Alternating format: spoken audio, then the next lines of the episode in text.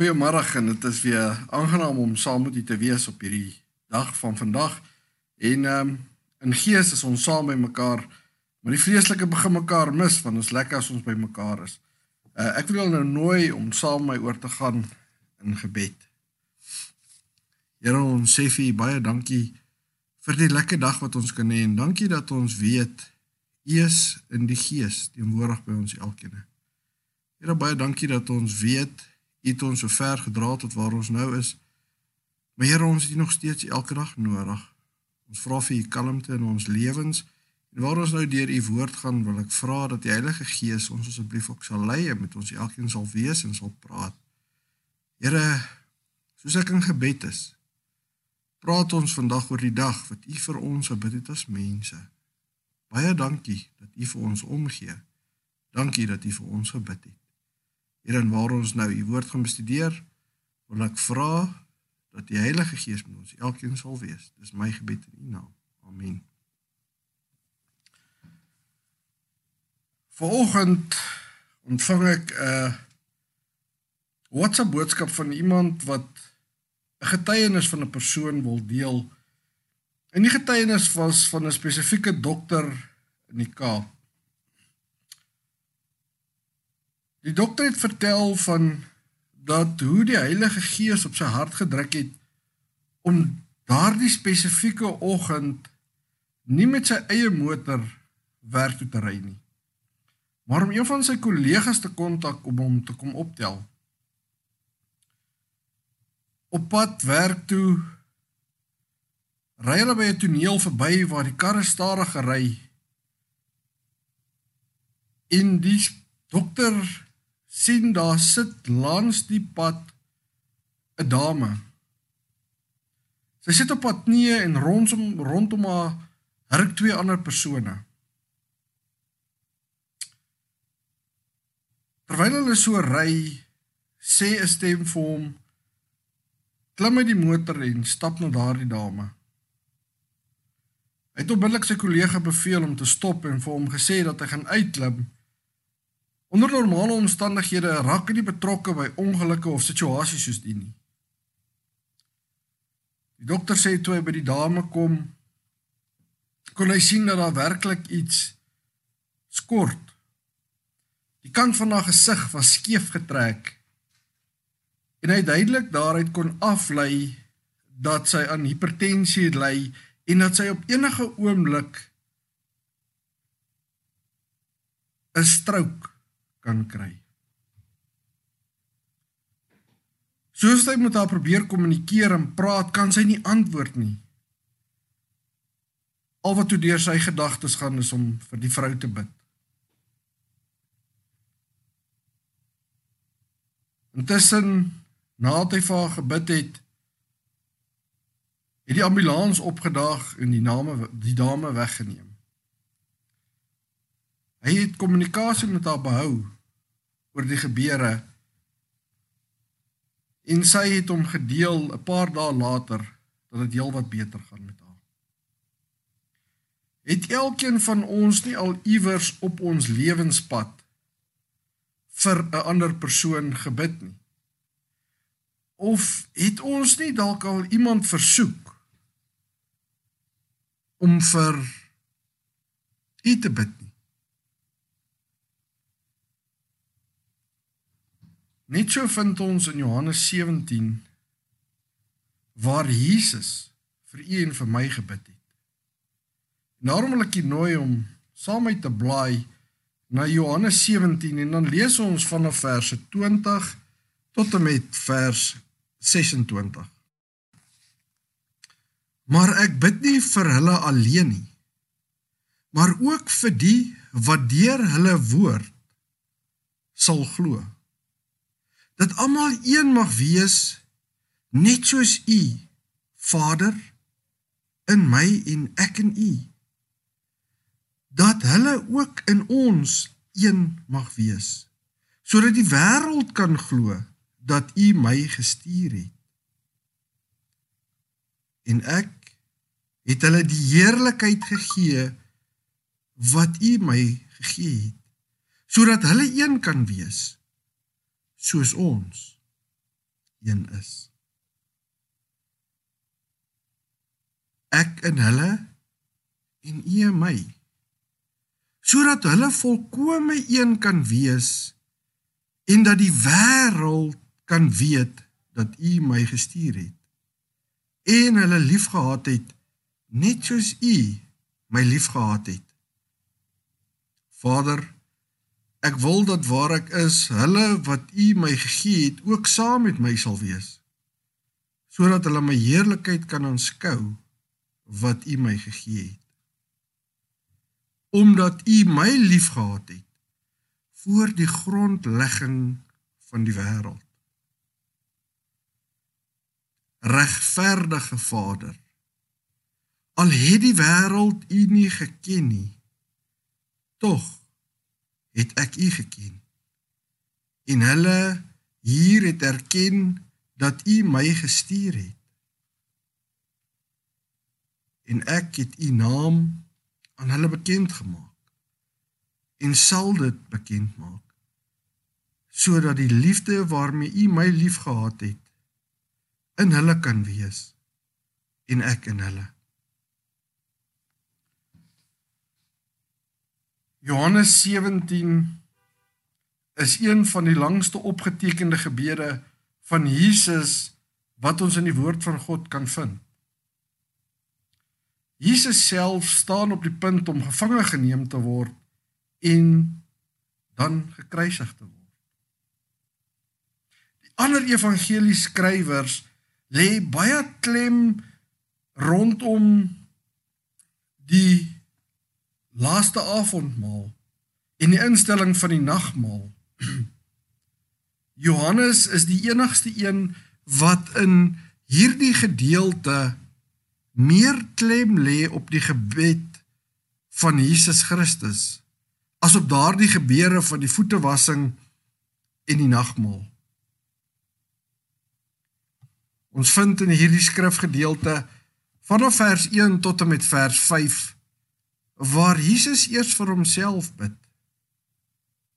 Vanaf vers 6 tot 19 bid Jesus vir sy disippels. En dan vanaf vers 20 tot en met 26 bid Jesus vir almal wat in hom glo.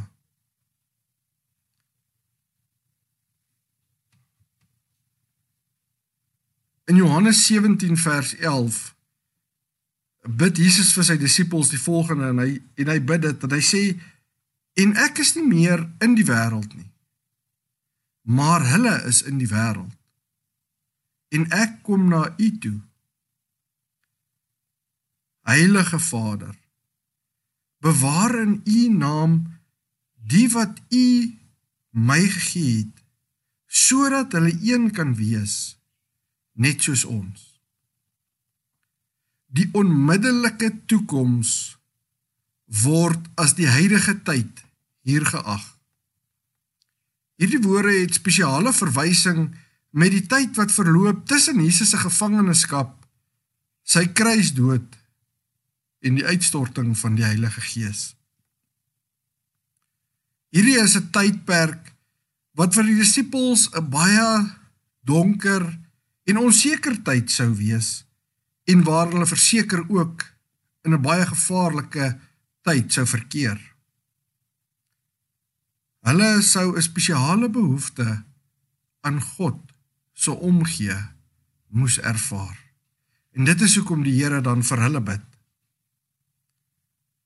Maar dan vind ons in vers 20 waar hy sê, "Maar ek bid nie net vir hulle alleen nie. Hy bid nie net vir sy disippels nie, maar ook vir die wat deur hulle woord in my sal glo. Met ander woorde, hierdie tweede stukkie sê die Here bid vir elke gelowige wat hierdie aarde sal bewandel en die evangelie sal hoor tot en met die wederkoms. Jesus bid dat mense hulle sal bekeer tot homself deur die verkondiging en die lering van die skrifte sodat die mens en almal wat hom in hom glo hom in sy hele voor in sy volle heerlikheid kan aanskou. Christus se intrede as middelaar kom duidelik na vore in hierdie gebed. En net soos in die geval van die disippels ervaar ons nie maar ook soms donker en onseker tye nie. En tye waar ons in gevaar is. Soos ek reeds gesê het, kom Christus se intrede as middelaar baie duidelik na vore in hierdie gebed. In Hebreërs 7 vers 24 tot 26 lees ons die volgende: Maar hy, omdat hy vir ewig bly, besit 'n priesterskap wat nie op ander oorgaan nie. Daarom kan hy ook volkome red die wat deur hom tot God gaan omdat hy altyd leef om vir hulle in te tree. Want so o hoë priester was ons gepas. Een wat heilig, onskuldig, onbesmet, afgeskeie van die sondaars is en wat hoër as die hemele geword het.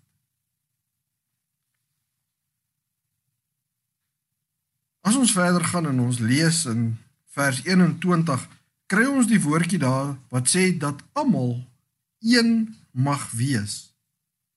Net soos U Vader in my en ek in U. Romeine 12 vers 5 en Galasiërs 3 vers 28 verwys ook na hierdie eenheid in Christus waarin ons moet wees. Dit is 'n goddelike model. Maar daar moet eenheid wees in die gees, geloof en in ons doelwitte. Daar moenie onderliggende striwelinge wees nie. Soos wat daar was tussen die disippels om te bepaal wie die grootste gaan wees in die koninkryk eendag nie of wie die belangrikste is nie. Hierdie eenheid moet wees net soos wat daar eenheid is tussen Vader en Seun.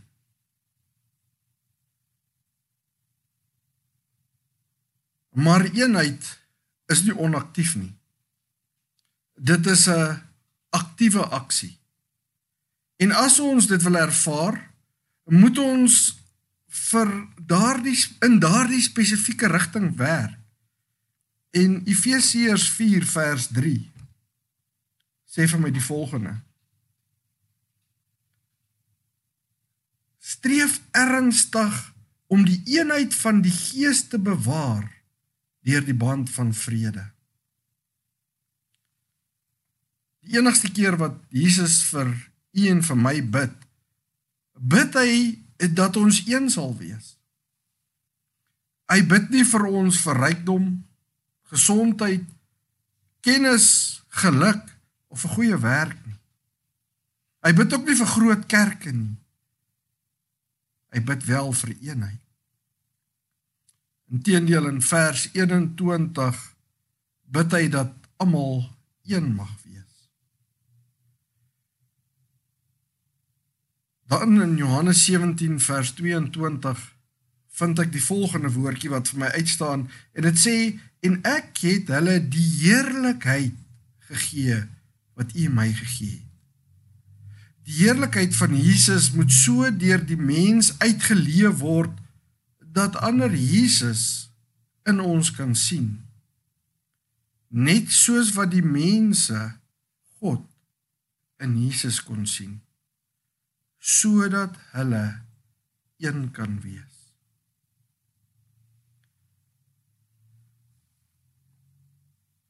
Die eenheid wat daar moet bestaan tussen die gelowiges en die godheid word hier verder beklemtoon in vers 23 waar dit sê ek in hulle en u in my.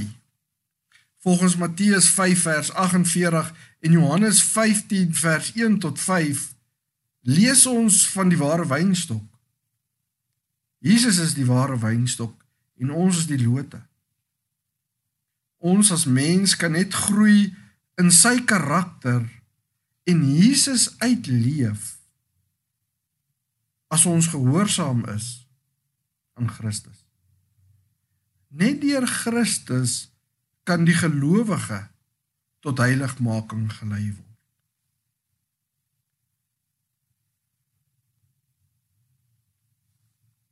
Maar daar is 'n paar struikelblokke wat hierdie eenheid tussen God en mens en mens en mens in bande lê. En ek gaan 3 uitwys. En die eerste een waarna ek wil verwys is selfsugtigheid. Ons as mense is selfsugtig en wil altyd ons eie wil hê. Die mens word gedryf deur ego en solank as wat dit gebeur kan daar nie eenheid wees nie. My ego is altyd groter as die ander.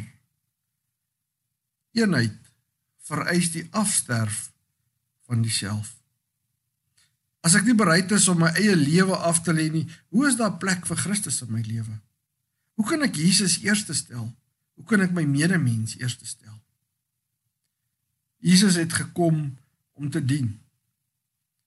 Jesus het gekom nie om verhoog te word nie.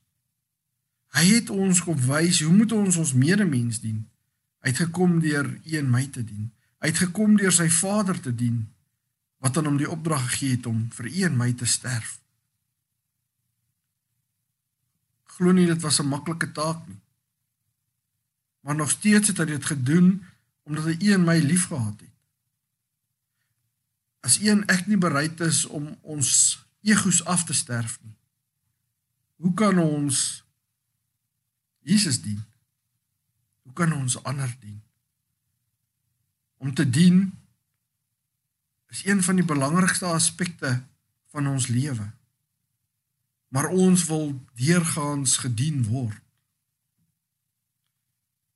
Dan is daar die klein jakkalsies. In hierdie klein jakkalsies grens vir my, dis die tweede aspek aan selfsugtigheid. Ek soek dit soos ek daarvan hou. Solank as wat ons van hierdie verstandhouding af uitgaan en altyd ons wy kry soos wat ons dinge wil hê, dan word ons nog steeds gedryf deur ego. En dan kan daar nie eenheid wees nie. Dan is daar nie plek vir iemand anders in my lewe nie. Dan is daar nie plek vir Jesus Christus in my lewe nie. Ek dink onwillekeurig aan die vers in Timoteus wat sê aan die einde van dae sal mense geldgierig word en hulle hulle sal hulle self lief hê. En hulle sal nie omgee vir ander nie. Gedryf deur ego, nie deur die liefde van Jesus nie. Die Fariseërs het ook honderde reëls gehad, ook klein jakkalsies. Klein reëls en regulasies wat mense moes doen en dinge moes altyd volgens hulle wy verloop. Maar in Matteus 23 lees ons ook hoe die Here hulle waarsku en hulle sê gefeinstes.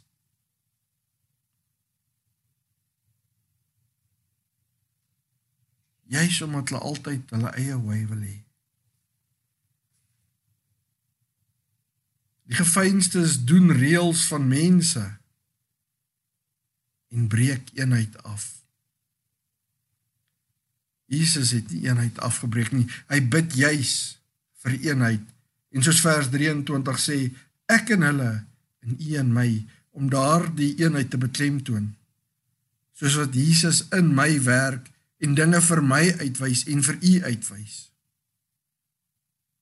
Nie soos wat Gerard wil hê die dinge moet verloop nie. Nee. Soos wat die Heilige Gees ons wil lei tot daardie eenheid tot daardie eenheid van ek en die mens is een en ek en Christus is een omdat ek gelei word deur hom en nie die reëls van mense nie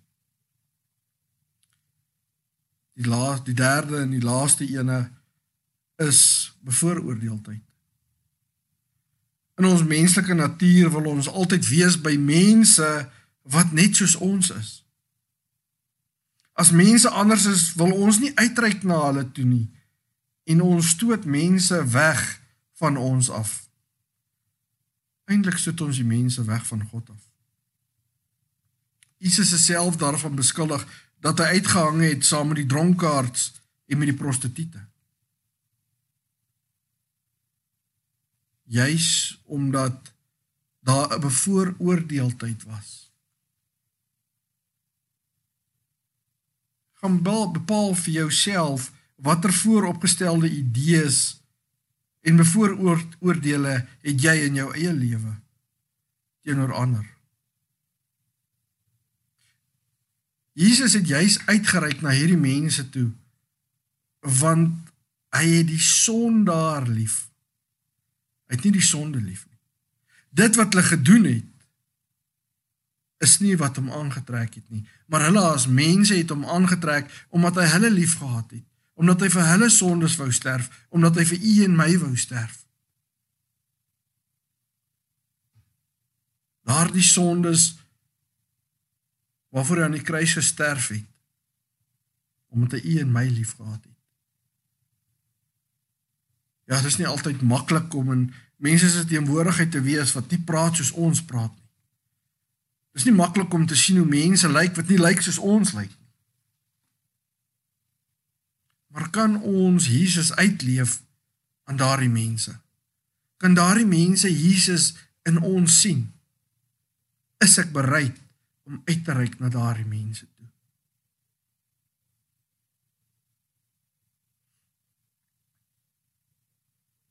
Daar is nie plek vir vooropgestelde idees in eenheid.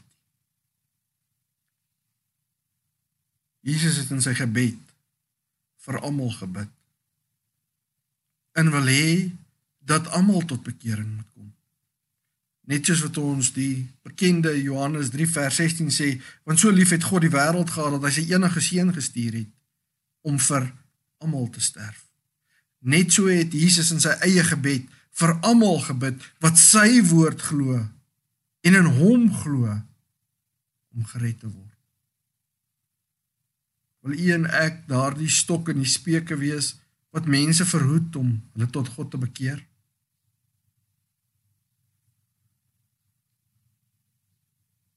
Jesus bid dat mense as gevolg van die verlossingsplan deur die kerk van God tot eenheid sal kom in ons verhouding teenoor God en ook teenoor ons medemens sodat ons by die wederkoms van Jesus Christus almal saam met hom in die hemel sal wees.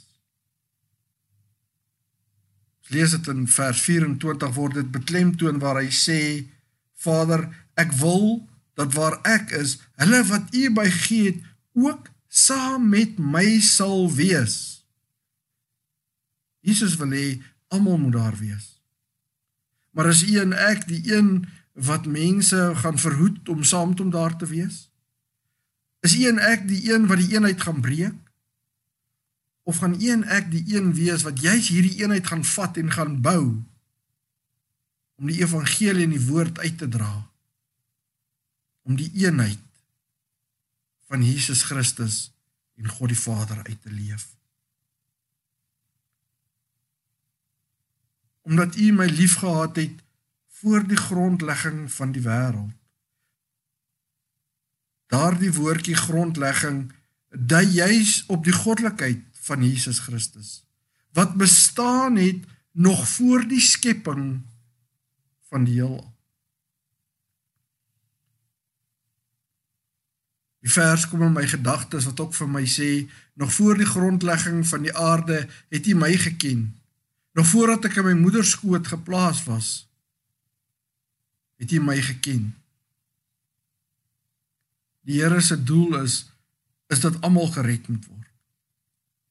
Nie net spesifiek is nie. Nee, want ons glo nie in 'n uitverkiesingsleer nie. Wat ons wel glo is dat almal die keuse het om gered te word. Die keuse berus by u en by my. God wil hê ons moet hom kies maar dit is u keuse of u rug op hom gaan draai. Dit is u keuse of u eenheid wil bevorder in u kerk. Dit is u keuse of u eenheid wil beleef in Jesus Christus. Vers 25 kry ek die woordjie begin regverdige Vader. Regverdig is gelykstaande aan 'n heilige een. Een sonder enige gebroke foute of sondes. Dan gaan dit verder en dit sê al het die wêreld u nie geken nie, tog het ek u geken en hulle hier het erken dat u my gestuur het. Net God is regverdig. Net God alleen is heilig en sonder enige gebreke, foute of sondes. Jesus Christus kom en hy bewandel hierdie aarde en hy manifesteer daardie regverdige God in ons as mens. Daarom is hy die enigste een wat hierdie aarde bewandel het wat kan sê hy is sonder sonde. Maar dit is ook hy wat sonder sonde was wat gesterf het vir u en my vir ons sondes. Sodat u en ek deur Jesus een kan wees met hierdie regverdige God wat sonder sonde is. Hierdie Jesus se bloed wat u en my wit was, wat ons sondes afwas en ons vlekkeloos maak om regverdig bevind te word in die oë van God.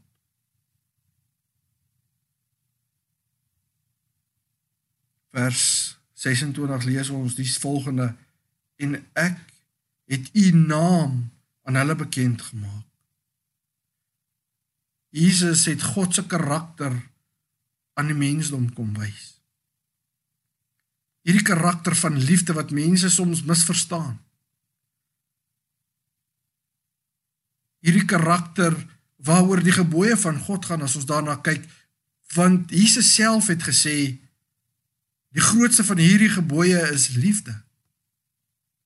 Die hele 10 gebooie is 'n samevatting van liefde. Die eerste 4 gebooie handel oor God en dit handel oor ons liefde teenoor ons God.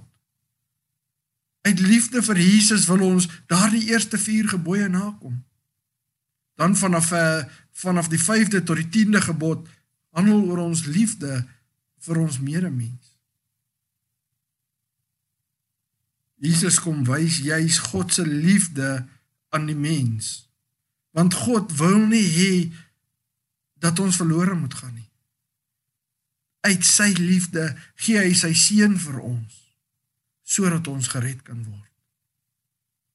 Uit ons liefde omdat ons een met Christus en met God wil wees, wys ons ons liefde teenoor ons God en ons Skepper en ons wys ook ons liefde teenoor ons naaste en ons medemens. Omdat ons ons ligte so wil laat skyn omdat Christus deur ons werk. Die liefde wat in God is, moet ook in een en my wees. Die liefde waarmee God ons sondes vergewe, moet ook die liefde wees waarmee ons ander vergewe. Ons vergewe nie ander uit ons eie krag nie. Ons vergewe hulle deur God. God vergewe sonder om iets terug te verwag. Al moes Jesus aan daardie kruis sterf sonder dat een mens sy siel vir God sou gee, was hy nog steeds bereid om sy seun te gee. Was die Vader nog steeds bereid om sy seun te gee. Ons wil altyd vergewe met die verwagting om iets terug te ontvang. Nee. God vergewe sonder om iets terug te verwag.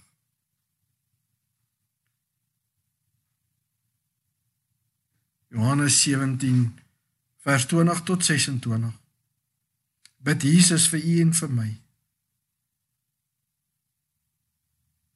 Watter groter voorreg kan dit nie wees as God vir u en vir my bid. Hierdie is 'n hoë priester wat instaan vir u en vir my. En tog kom ons so maklik na mense toe en ons vra bid asseblief vir my. Maar dink altyd daaraan dat Jesus vir u en vir my gebid het.